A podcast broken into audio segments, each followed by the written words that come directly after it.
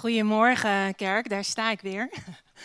Ik durf hier bijna niet meer te staan. Ik bloos helemaal van alle mooie cadeaus en alle mooie woorden.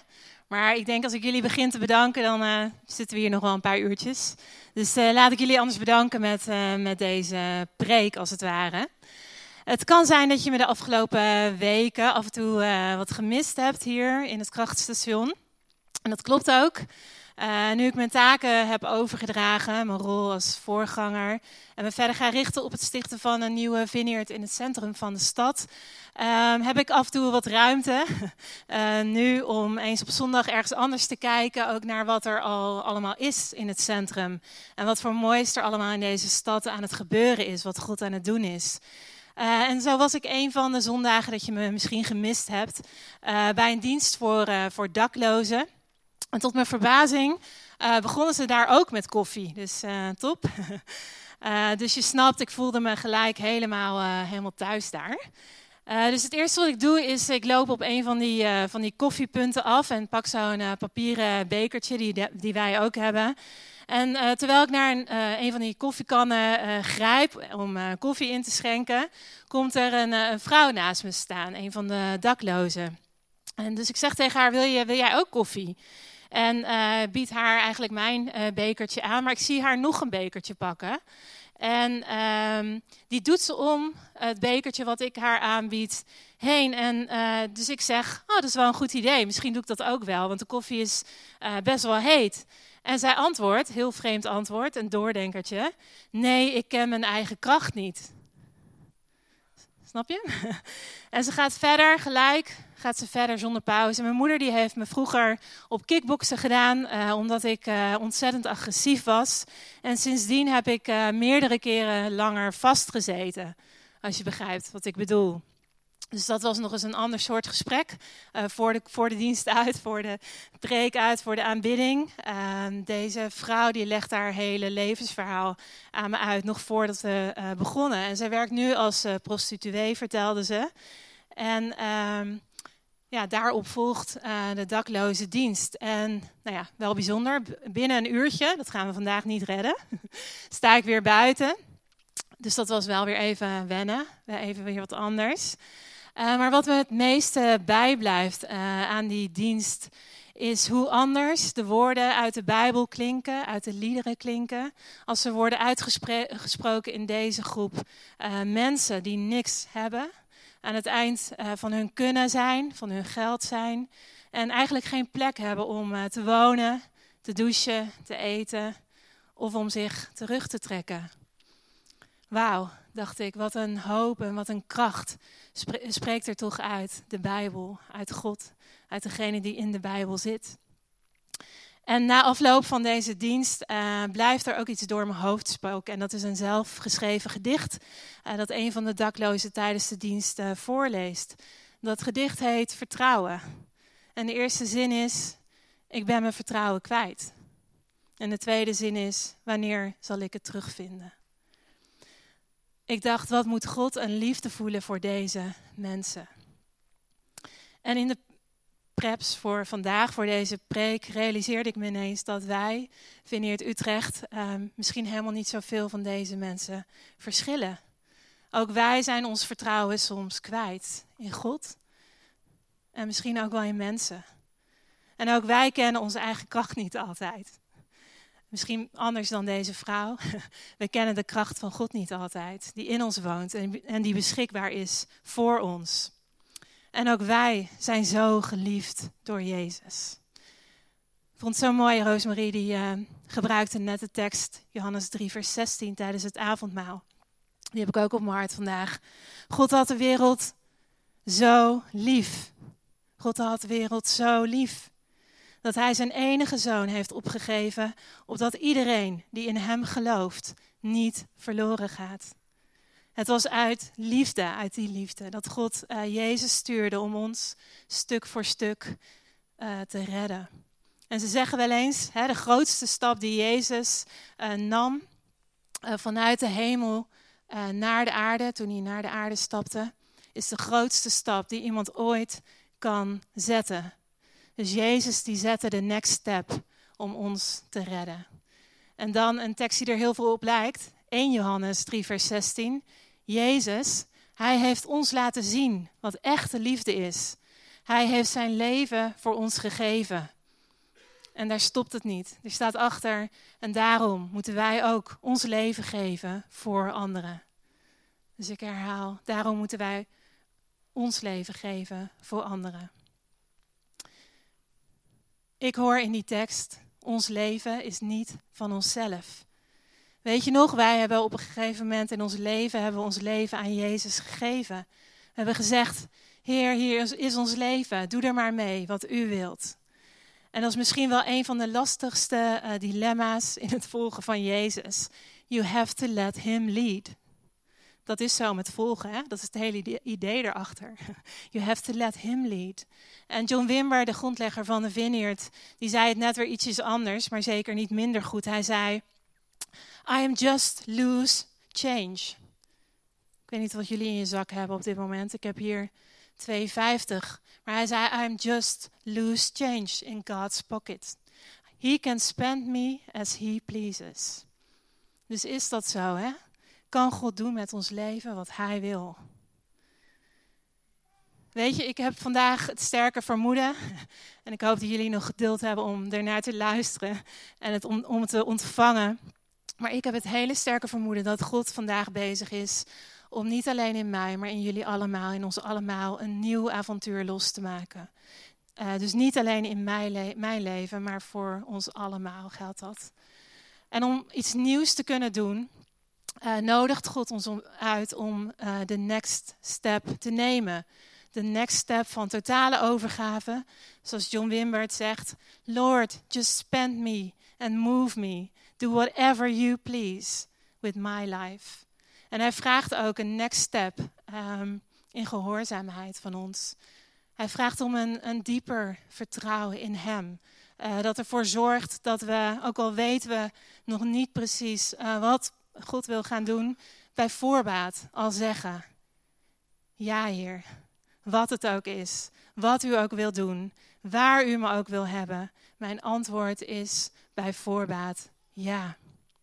Dus de vraag vandaag is aan ons allemaal: hoe luid klinkt ons ja? Hoe wijd open staat ons hart vandaag voor wat Hij wil doen in ons midden, in onze stad, in onze regio? Zijn we er klaar voor om met Hem uh, een nieuw avontuur te in een nieuw avontuur te stappen, een next step? Henry Ford, een Amerikaan, die zei: I am looking for a lot of men and women, heb ik ervan gemaakt, who have an infinite capacity to know what can't be done. En hetzelfde geldt uh, voor ons. Dit zegt God ook tegen ons vandaag. Net als Henry. Ik ben op zoek naar een heleboel mannen en een heleboel vrouwen met een eindeloos vermogen om te weten wat onmogelijk is. Dus God uh, is op zoek naar mensen die in dit avontuur met Hem samen willen stappen. In het onzekere, het onbekende, het onmogelijke. Omdat ze geloven dat God het is, dat Jezus hen roept uh, om dat te doen. Dus God is op zoek naar mensen die het avontuur willen aangaan. Omdat ze um, eigenlijk gewoon, ja, om het maar zo te zeggen, niet anders kunnen. Omdat ze zoveel houden van Jezus. God is op zoek naar mensen die uh, geloven dat zingen we ook wel eens. There must be more than this. Er is meer dan dat we tot nu toe hebben gezien. Ik moet weten hoe mijn leven eruit ziet. Hoe het is als ik mijn leven aan God geef. Uh, om te zien wat God kan doen. Uh, als ik mijn leven echt volledig aan Hem uh, overgeef. Om, het onmogelijke te zien. Om Zijn wereld te redden, zoals Johannes 3, vers 16 zegt. Jezaja 6, vers 8. Toen hoorde ik de stem van de Heer zeggen: Wie kan ik zenden? Wie wil namens ons gaan? En toen antwoordde ik: Hier ben ik, zend mij. Ga, zei hij. God is vandaag op zoek naar mensen die, net als Jezaja, verder en dieper in het verhaal van God willen stappen. De next step. En met een hele luide ja zeggen: Ja, Heer, zend mij.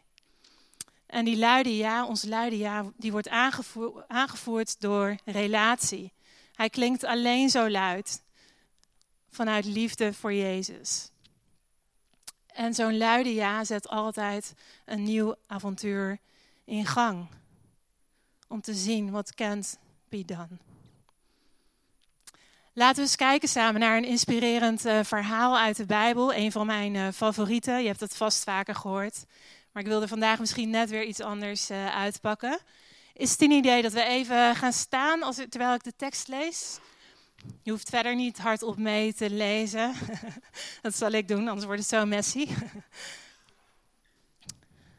Hierna zei Jezus tegen zijn leerlingen dat zij met de boot moesten overvaren naar de andere kant van het meer. Hij zou komen wanneer hij de mensen zou hebben weggestuurd. Toen iedereen weg was, ging hij alleen de berg op om te bidden. Het werd donker en de leerlingen waren al ver op het meer. Zij kwamen niet erg vooruit door de harde tegenwind en de hoge golven. Tegen het eind van de nacht liep Jezus over het water naar hen toe. Ze schreeuwden van angst en dachten dat het een geest was. Hij stelde hen gerust. Wees maar niet bang, ik ben het. Petrus riep, Heer, als u het werkelijk bent, zeg dan dat ik over het water naar u toe moet komen. Kom maar, riep Jezus. Petrus stapte uit de boot en liep over het water naar Jezus toe. Maar hij besefte ineens dat er een heel harde wind stond. De angst, de schrik sloeg hem om het hart en hij begon te zinken. Hij zei: Heer, red mij. Dat schreeuwde hij. Ik weet niet of er meer van ons zijn die vandaag schreeuwen: Heer, red mij. Jezus stak hem zijn hand toe en trok hem uit het water. Och, twijfelaar. Vind ik zo grappig. De bemoediger, die zegt hier, och, twijfelaar. Hoe bemoedigend. Och, twijfelaar, zei hij. Waarom heb je zo weinig vertrouwen in mij? Zodra zij in de boot stapte, ging de wind liggen. De anderen bogen zich vol ontzag voor Jezus neer. En ze zeiden, u bent werkelijk de Zoon van God. Dus dat zeggen wij ook vandaag, Heer. Hier zijn we. En we zeggen, u bent de Zoon van God. Jezus, het is echt zo'n voorrecht om, uh, om dit tegen u met z'n allen te zeggen vandaag. U bent werkelijk, zeker weten, absoluut, geen twijfel mogelijk de Zoon van God. En wat houden we van u, Jezus? U bent briljant en u bent zo goed. U bent onze hoop. U bent onze redding. En u bent hier bij ons vandaag. Heer, we kunnen niet anders en we willen niet anders dan ja zeggen tegen u. Heer, ik wil u vragen of u door uw aanwezigheid heen ons vormt, ons transformeert en ons stretcht. En Heer, dat u vandaag uw bestemming over onze levens verder uitspreekt. Heilige Geest, wilt u iets nieuws doen in deze ruimte, in ons? Dat het om meer dan alleen gesproken woorden gaat. Maar dat u een nieuw avontuur in ons leven uh, inzet voor de mensen om ons heen. In Jezus' naam. Amen. Je mag even gaan zitten. Klinkt altijd zo mooi hier, hè? Als er beweging is in de zaal. Wat een fantastisch verhaal over Petrus. Petrus neemt die dag een next step, een volgende stap in, in vertrouwen, in geloof. Hij stapt uit de boot. Um, en dat is dezelfde boot waarin hij ietsje eerder uh, nog in tot geloof uh, was gekomen. Petrus is een uh, geboren visser die ja, eigenlijk zijn hele leven tot dan toe um, wordt gedreven door de roep van de zee, totdat hij Jezus ontmoet. En Jezus hem roept met de roep van het koninkrijk en zegt: Kom, volg mij, Petrus. Ik ga jou een visser van mensen maken. En Petrus laat zijn luide ja klinken uh, tegen Jezus. En vanaf dat moment reageert Petrus met alles wat in hem is, met alles wat hij heeft op wie Jezus is en op wat Jezus uh, wil doen. En hij vindt zichzelf terug, uh, Petrus, op plekken waar hij nog nooit eerder is geweest. En hij doet dingen die hij nog nooit eerder heeft gedaan of die hij ooit verwacht had uh, om te doen in zijn leven. En het mooie is dat die nacht op dat meer is Petrus degene in de boot die Jezus denkt uh, te herkennen op het water. En dat maakt dat hij in vers 28 uitroept, of het is eigenlijk meer een gebed, en wat een fantastisch gebed is het. Jezus, als u werkelijk uh, bent, als u het werkelijk bent, zeg dan dat ik over het water naar u toe moet komen. Jezus, als u het bent. Jezus, als u het bent die spreekt. Jezus, als u het bent die iets nieuws aan het doen is. Hij ziet Jezus voor zich op het water en hij denkt bij zichzelf: als wat ik op dit moment zie, als dit echt is, als dit mogelijk is, als wat ik nu zie, zie uh, meer is dan mijn eigen droom, of een geest, of een verlangen, of een fantasie. Als dit wat ik uh, zie, als dat voor mij ook beschikbaar is, ja Heer, dan wil ik dat. Ja Heer, hier ben ik. Dan wil ik er helemaal voor gaan, zegt Petrus. Dan heb ik er alles voor over. Zend mij. Jezus, als u het bent, vraag me dan naar u toe te komen. Ik vind het een heel moedig uh, gebed uh, op zo'n angstig moment. Wat Petrus eigenlijk zegt is: uh, Ik ben bereid om een groot risico te nemen uit liefde voor mijn Jezus. Ik wil alles riskeren omdat ik verlang naar een diepere relatie met u. Ik wil zijn waar u bent. Ik wil alles op het spel zetten om bij u te zijn. Zijn ja klinkt luid. En toen ik dit las, dacht ik ja, een ja tegen Jezus gaat altijd gepaard met relatie. Het is altijd vanuit liefde. En het gaat altijd over het nemen van risico. Dus relatie en risico, ze gaan hand in hand in het volgen van Jezus. Petrus die stapt uit de boot, neemt de next step. En ook al lijkt alles om, om hem heen tegen hem te zijn, alles tegen te zitten die dag, die nacht, Jezus die wacht daar op hem. Maar tot aan vers 29 blijft Petrus gewoon in de boot. Hij komt niet in beweging. Hij wil zijn Jezus eerst horen zeggen: Kom. Petrus die zegt hier eigenlijk mee: Als de Heer niet zegt dat ik moet komen, dan blijf ik waar ik ben. Maar zodra God spreekt, is er geen enkele twijfel meer in zijn hart en geen enkele vraag meer in zijn hoofd of hij dat wel moet doen. Niks houdt hem nog langer tegen voor die next step. Petrus zegt: Als God spreekt, hoe snel kan ik gehoorzamen? En hij stapt uit de boot. Hij moet naar Jezus toe. En ik weet niet hoe het met jou uh, zit, maar ik wil vaak liever eerst even wachten. Uh, de storm afwachten. Uh, wachten tot het ru rustig wordt. Even wachten tot het risico ietsjes is afgenomen voordat ik ga. Maar zo werkt het niet bij Jezus. Onze ja tegen Hem, onze ja tegen Jezus gaat altijd over risico nemen. John Wimber die leerde het ons hè, en die deed het ons voor. Hij zei, fate is spelled R-I-S-K, risico. En soms merk je dat je vastzit uh, in een boot. Um, dat je vastzit. Vooral als het even geleden is misschien dat je Jezus hebt zien bewegen. Misschien is het al even geleden uh, dat je hem hebt horen zeggen, kom. Of is het al even geleden dat je voor het laatst uh, bent uitgestapt, een next step hebt genomen in gehoorzaamheid? Of is het al even geleden dat je voor het laatst je hart hebt geopend uh, om Jezus te durven vertrouwen?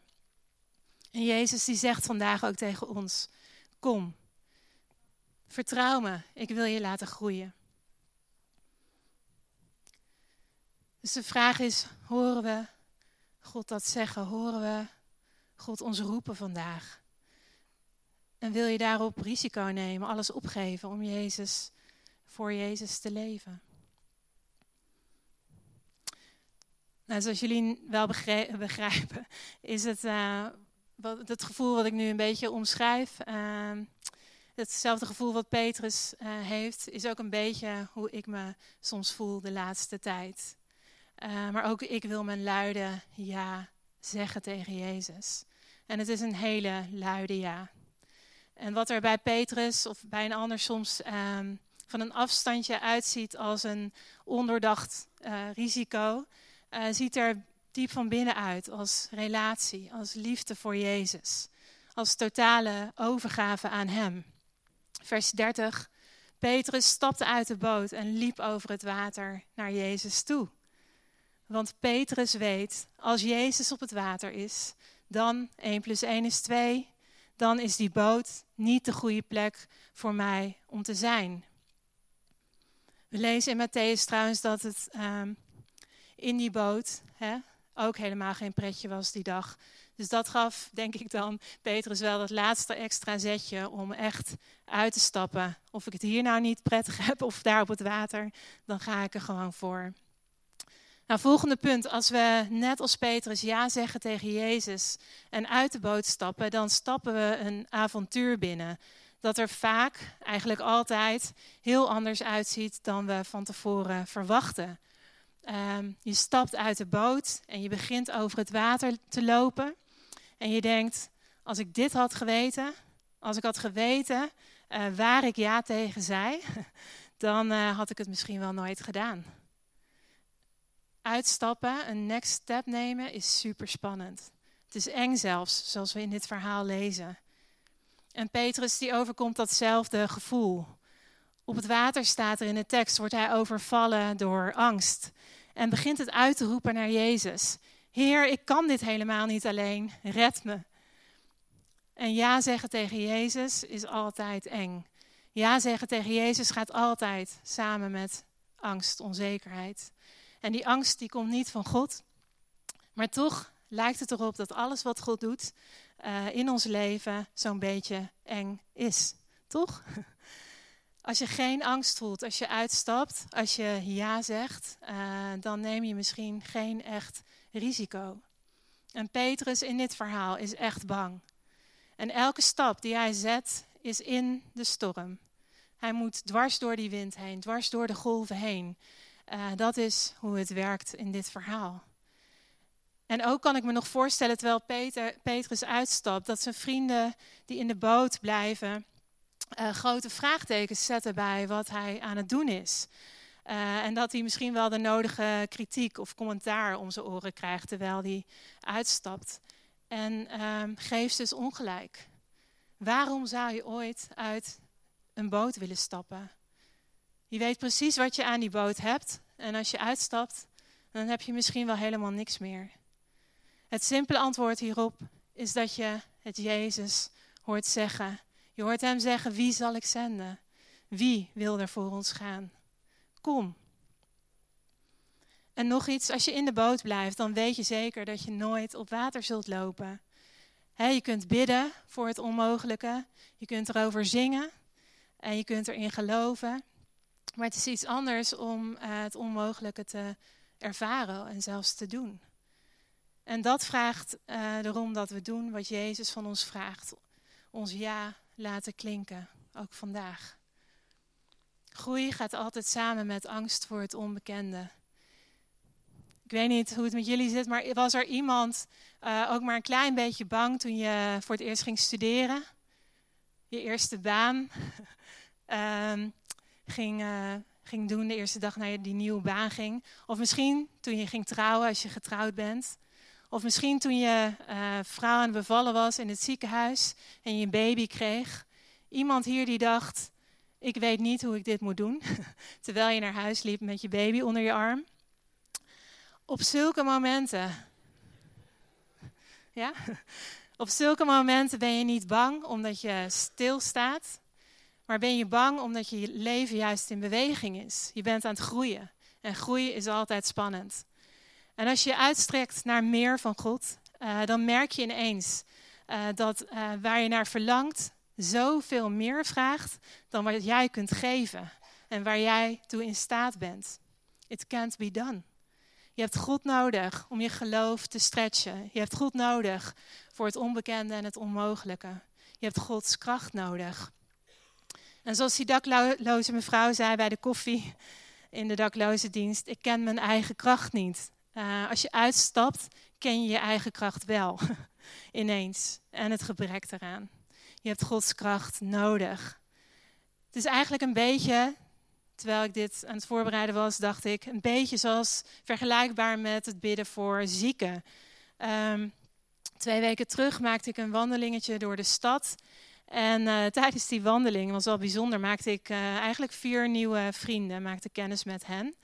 En eentje uh, van hen, hij heet Frans, die, die vertelde mij dat hij behoorlijk ziek was. En ik zei, Frans, wat kan ik voor je doen vandaag? Ik dacht, misschien kan ik medicijnen halen of wat dan ook.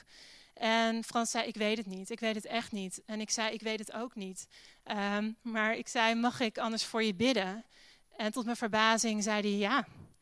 Dus ik legde een hand op zijn schouder en ik bad mijn beste gebed.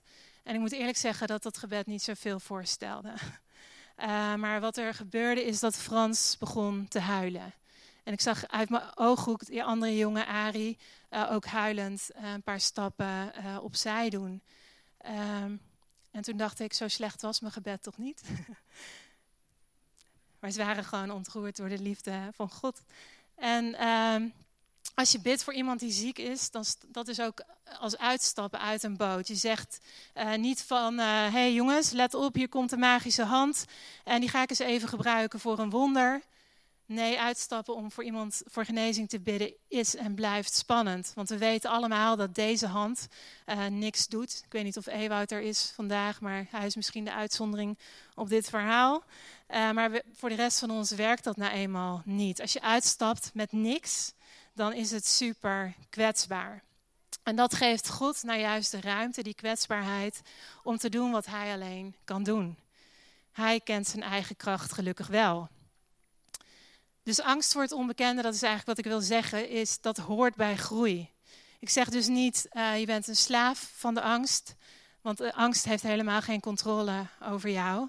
Uh, maar die is er altijd wel aanwezig. Dat heeft te maken met het onmogelijke, het onbekende, waar God ons voor uitnodigt. Dus wat ik heb geprobeerd te zeggen met mijn verhaal tot nu toe, is dat we uh, dat ja zeggen tegen Jezus, een luid ja tegen wat Hij wil doen, altijd gaat over relatie, het gaat altijd over risico nemen en het gaat altijd ook over angst. Het laatste waar ik nog even kort uh, met jullie over wil hebben, is dat ja zeggen uh, tegen de next step, tegen Jezus, ook altijd gaat over kwetsbaarheid. En ik noemde het net al even. En ik wou echt dat het niet zo was, dat het niet kwetsbaar was, dat ik jullie iets anders kon vertellen, uh, dat het niet waar was, maar het is heel kwetsbaar om uit te stappen. Um, en het is misschien wel heel erg verleidelijk om uh, lekker in die boot te blijven zitten en uh, net te doen of je Jezus, ik hoor u niet, ik hoor u niet roepen. Of net te doen als je, alsof je net heel even je ogen dicht had toen, toen hij op het water stond. Um, en het is veel makkelijker om te zeggen, misschien wel, hey Jezus, weet je nog die keer dat je water in wijn veranderde? Zullen we dat anders vanavond nog een keertje doen? Leuk idee, goed idee. Maar wat het, altijd, wat het geval is bij Jezus, is dat hij steeds weer iets nieuws aan het doen is. Uh, dit verhaal in de Bijbel, dit is de enige, de eerste, de enige keer dat Jezus over het water loopt. Hij heeft het niet eerder gedaan tot op die dag. En daarna heeft hij het ook nooit meer gedaan. Tenminste, hij heeft me er zelf nooit iets over verteld. um, Jezus die nodigt Petrus dus die dag uit voor iets nieuws. En jullie weten allemaal dat, uh, hè, dat ik op het punt sta om ook iets nieuws te gaan doen. En ja, jullie hoorden Jan Bernard net al even zeggen, sinds mijn achttiende eigenlijk is God al begonnen om me te roepen, om uh, over dit soort dingen met me te spreken en steeds duidelijker over het pionieren van een nieuwe vorm van kerk zijn. En jullie weten dat deze droom uh, steeds ja, concreter werd en steeds urgenter is geworden tot nu. Tot het punt um, dat ik eigenlijk niet langer in de boot kan blijven zitten. En Jezus wel moet, of natuurlijk wil, gehoorzamen. Hij heeft mijn hart gebroken voor deze stad en voor de mensen die daar zijn, die daar rondlopen en die Jezus nu nog niet kennen. En ik hoor Jezus vragen: Wil jij gaan? Wil jij een herder voor hen zijn? Wil jij iets nieuws starten voor hen? Wil jij een nieuwe plek, een nieuwe community, een nieuwe kerk met hen vormen? En ik heb de laatste tijd heel vaak gedacht: oké, Heer, als u dat aan het zeggen bent, als u me roept, wie ben ik dan om het niet te doen? Maar dat betekent wel uh, dat ik alles waar ik ontzettend vreselijk veel van hou, jullie dus, deze prachtige gemeente, uh, mijn superleuke baan bij de Vineyard, doe alles wat ik alleen maar ontzettend leuk vind in die baan, dat ik die achterlaat nu uh, om dat te gaan doen. waarvoor ik Jezus me hoor roepen.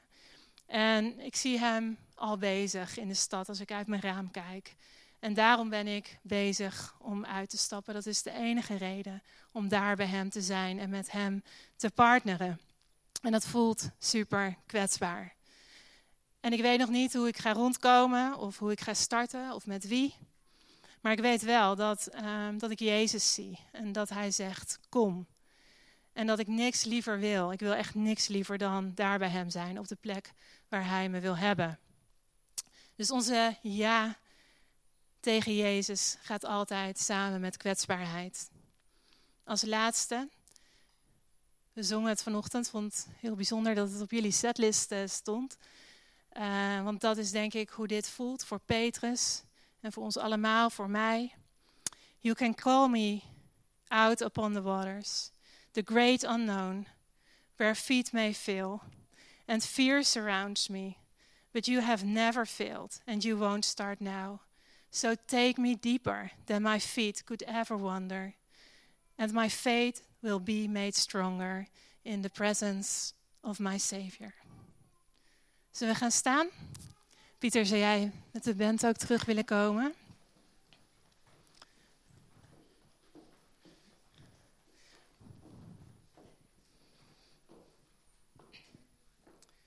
Terwijl jullie staan, kan ik misschien een paar vragen nog uh, aan jullie stellen.